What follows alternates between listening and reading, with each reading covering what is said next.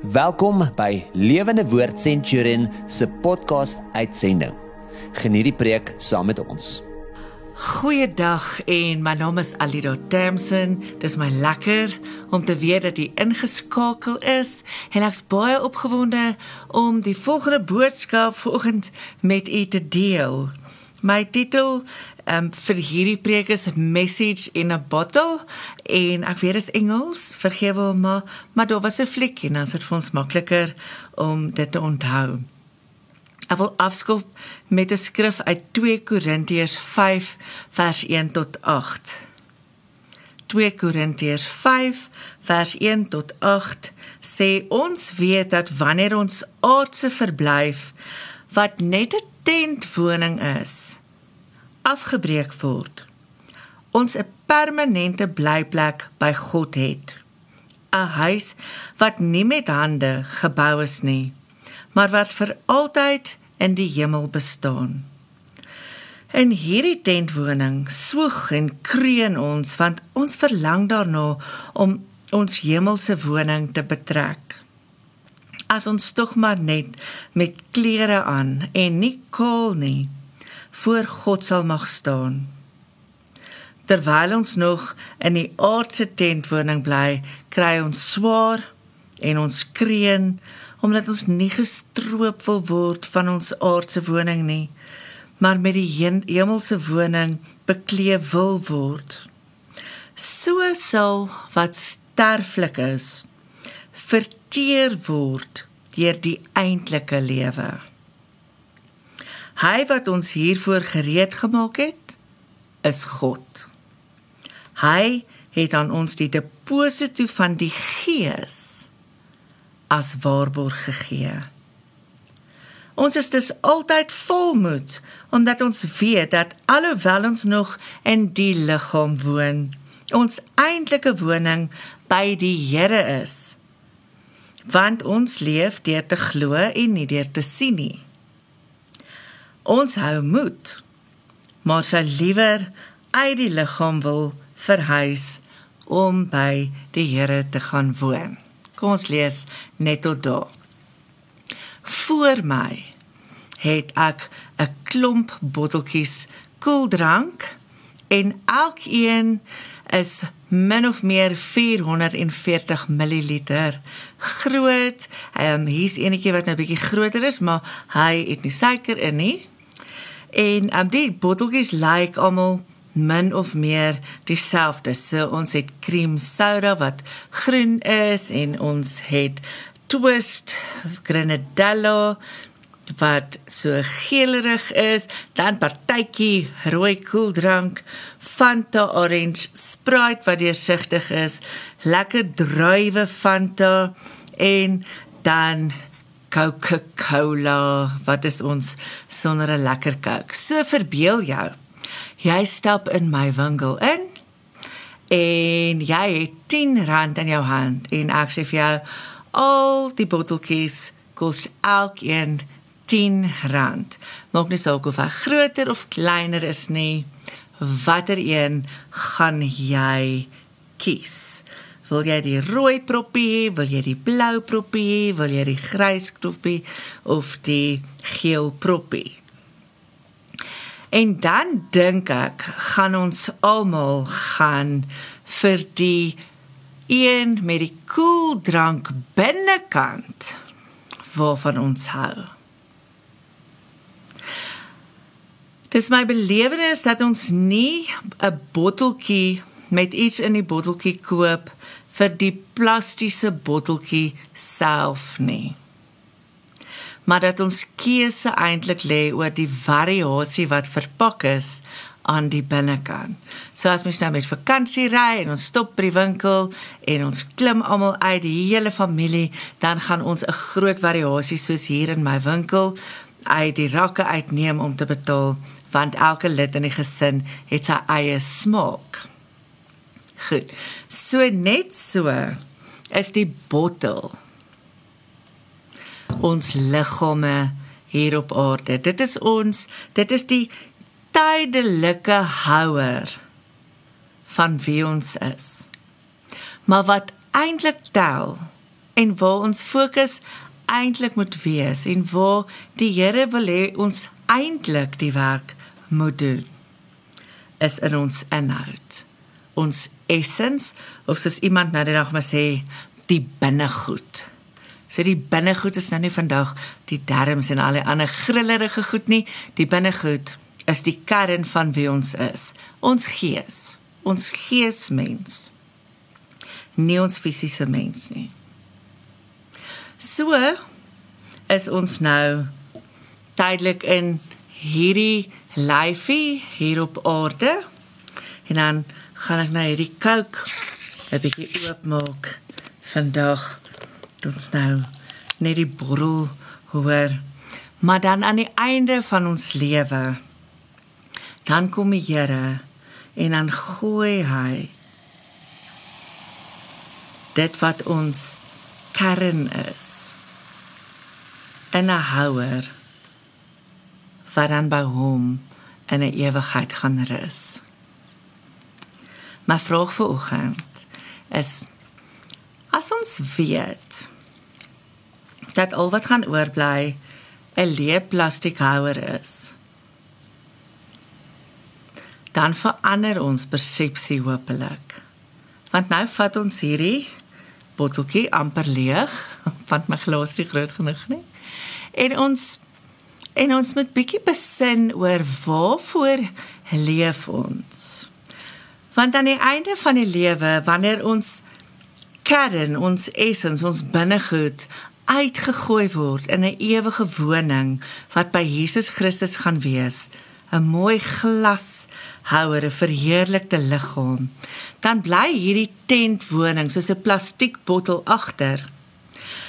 En behalwe om 'n plastiekbottel dalk te recycle, het ons nie eintlik nut vir hom nie. Dit maak nie saak of hy nou in 'n oond gebrand gaan word om veras te word en of hy nou begrawe gaan word nie. Dit maak trouens nie saak hoe hy lyk nie, wat ons met hom gedoen het nie wat met hom gebeur het nie. Die botteltjie wat oorbly, die lyfie die tent wat oorbly, is van geen waarde nie. Dit maak dan nou ook nie saak as die lewe kom en hy kom druk en knak hierdie lyf met COVID en kanker en siekte en ongelukke Nee, dit maak nie saak nie. Dit maak nie saak of hierdie lyf nou 'n arm of 'n been verloor of nie meer kan hoor of sien of nie 100% werk nie. Wat saak maak is die binnekant, kern, die kook van hierdie liggaam van my en jou. Nou is die vraag. Waar is ons fokus? Een baie maklike manier om te kyk waar jou fokus is, is om te kyk na jou bankstaat. As jy op jou bankstaat gaan kyk, dan gaan jy baie vinnig sien, goed, klere Dis vir die buitekant. Skoene Dis vir die buitekant. Luxe kar Dis vir die buitekant lekker groot huis waar ons almal gemaklik bly. Dis vir die kar. Ag vir die bottel. wat ehm um, wat is ons kragrekening? Wat is ons water en ligte rekening? Hoeveel elektroniese toestelle het ons vir die vermaak van hierdie botteltjie? Wat wys op ons bankrekening? Waar is ons prioriteit? mis ons dit. Begin jy nou 'n bietjie wonder wat gaan in die bank staan aan? Lê jy tiendes, do, is jy offergawe stil? Wat is punt daarvan? Is ons nie veronderstel om te sorg vir die lyfie, vir die botteldeel van ons bestaan nie? Ja en nee. Ja, ons is veronderstel om te sorg vir die lyfie deel ook.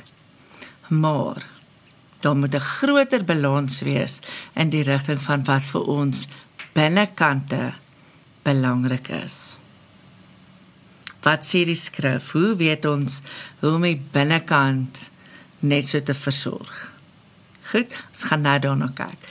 Die tweede manier wat ons kan kyk waar ons fokus is in terme van ons liggaam, siel en gees is natuurlik ons dagboek. Waar aan spandeer jy die meeste tyd? So, die woord van God sê altyd, daar's 'n tyd vir alles. Daar's 'n tyd om te werk, daar's 'n tyd om te rou, daar's 'n tyd om fees te vier.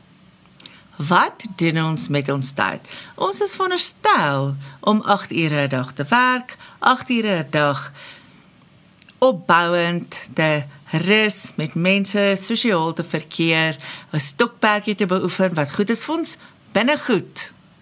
En dan natuurlik 8 ure slaap. Dit is veronderstel om ten minste een dag 'n week te rus van werk eintlik as 'n getuienis vir die Here om te sê hy is ons voorsiener. Ons hoef nie dag en nag 7 dae week te werk nie, want as ons eendag aan hom afstaan en hom grootmaak en sy lof besing, dan weet ons hy is 'n God van liefde en hy dankbaarheid vir wat hy vir ons gee, kan ons in hom rus vir ten minste eendag 'n week ek wil hê ons moet bietjie kyk na hoe God ons geskep het en wat ons dan met hierdie lyf hê en ons binnegoed kan doen en waarop moet ons fokus veral in hierdie seisoen waar ons regtig swaar gekry het. 2 Korintiërs 4 vers 18 sê vir ons ons oog is nie op die sigbare dinge gerig nie maar op die onsigbare want die sigbare dinge is tydelik maar die onsigbare is vir altyd. As ek en jy bietjie moet fokus op onsigbare dinge wil ek vir jou hierdie illustrasie gee. Ons sê altyd vir mekaar ons moet werk en ons werk vir ons kinders. En dis heeltemal regverdig om dit te sê. Die vraag is werk jy net so hard aan jou kinders se binnegoed as wat jy werk vir hulle botteltjie lyfies. So ons werk sodat ons kinders kos en klere het sodat hulle in 'n goeie skool kan skool gaan. Ons spaar vir universiteitsopvoeding. Maar wanneer los? Pappa en mamma. Het jy by jou kind gaan sit en gevra: "Boetie, Sissie, hoe gaan dit met jou binnegoed? Is jou hartjie nog gelukkig? Is dit goed waaroor jy vra het? Wat maak jou dankbaar? Wat frustreer jou? Is daar iets waarmee ons jou kan help? Hoe gaan dit met jou verhouding met die Here? Leer ons ons kinders wanneer hulle voor 'n groot keuse staan om ons inspraak te vat, maar om eers daaroor te gaan bid en vir die Here self te gaan vra wat sê hy oor 'n sekere saak. Is ons fokus meer op ons kinders se buitegoed of is ons besig om ook aan hulle binnegoed aandag te gee? Toe die Here die mens gemaak het in Genesis het hy hom werk gegee en sy werk was om die tuin en die diere te versorg en ook om aan elke dier in die paradys 'n naam te gee. Toe die Here na die mens gekyk, lees ons in Genesis 2 vers 18. En die Here kyk so na die mens, Adam, en hy sê dit is nie goed dat die mens alleen is nie. Nou, die mens is geskape en die mens het al 'n werk gehad. En die Here kyk na die mens en hy sê, dis nie goed vir die mens dat hy alleen is nie. Ja. Ons moet 'n lesie uitvat. Ons moet iets hoor van die Here se hart vir ons en dit is dat hy ons geskep het om in verhouding te wees. In verhouding met hom, maar ook in verhouding met mekaar met ander mense. Met ons gesinne, met ons vriende, met ons familie, met ons gemeente en ons gemeenskap. Dis goed vir ons In 'n jaar, in 'n baie lang seisoen wat ek en jy deur 'n virus wat die wêreld aan die brand gelaat het, alleen gemaak is, in isolasie geplaas is, geïsoleer het en waar ons vereensaam het. Sit ons met 'n mensdom wat baie meer op antidepressante afhanklik is. Hulle syfers in die besigheid wys dit vir ons. Ons sit in onsself met 'n onsekerheid van wie is ons? Wat is ons rol nog? Hou my man nog van my? Ek dink nie my vriendinne hou van my nie. In ons gemeente het ek ontsettend baie boodskappe gekry wat vra Alida, is jy kwaad vir my? En dan is ek so verbaas want regtig regtig is ek nie kwaad nie nie ongelukkig nie, het ek nie 'n probleem nie. Is daar niks van my kant af tussen my en die persoon nie. En ek moes by die Here gaan sit en vra, wat gaan aan? En ek besef ons meisies veral, maar mense in die algemeen het gereeld vriende gesien en vriendinne is mense wat vir ons sê, "Joeg, jy lyk pragtig." Hiu, ek hou van jou hare so. Hiu, dit is so lekker om saam met jou te wees. Man, ons het nou so lekker gekuier. Ons moet definitief weer saam met mekaar kuier. Jou kos is uit die boonste rakke. Hierdie braaivleis is onvergeetlik. Ons het dit vir langer as 'n jaar nie gehad nie. Daai positiewe terugvoer wat ons bietjie opbou en bevestig wie ons is. En nou is ons onseker en dit maak ons kleinserig. Nou raak ons krities oor die terugvoer van ons familie en ons vriende. En ons gee nie meer mense die voordeel van ons twyfel nie. Ons vergeet dat ons in die verlede gedink het, man, hulle harte is mooi en hulle bedoel goed. Van verhoudings het bietjie skade gelei. God se fokus ook wanneer hy in Genesis met Abraham praat, dan kom sê hy vir Abraham: "Abraham, ek wil jou seën. Ek wil jou die voorvader maak van 'n groot nasie. Ek sal jou seën sodat jy geëer sal wees en verander tot 'n seën sal wees."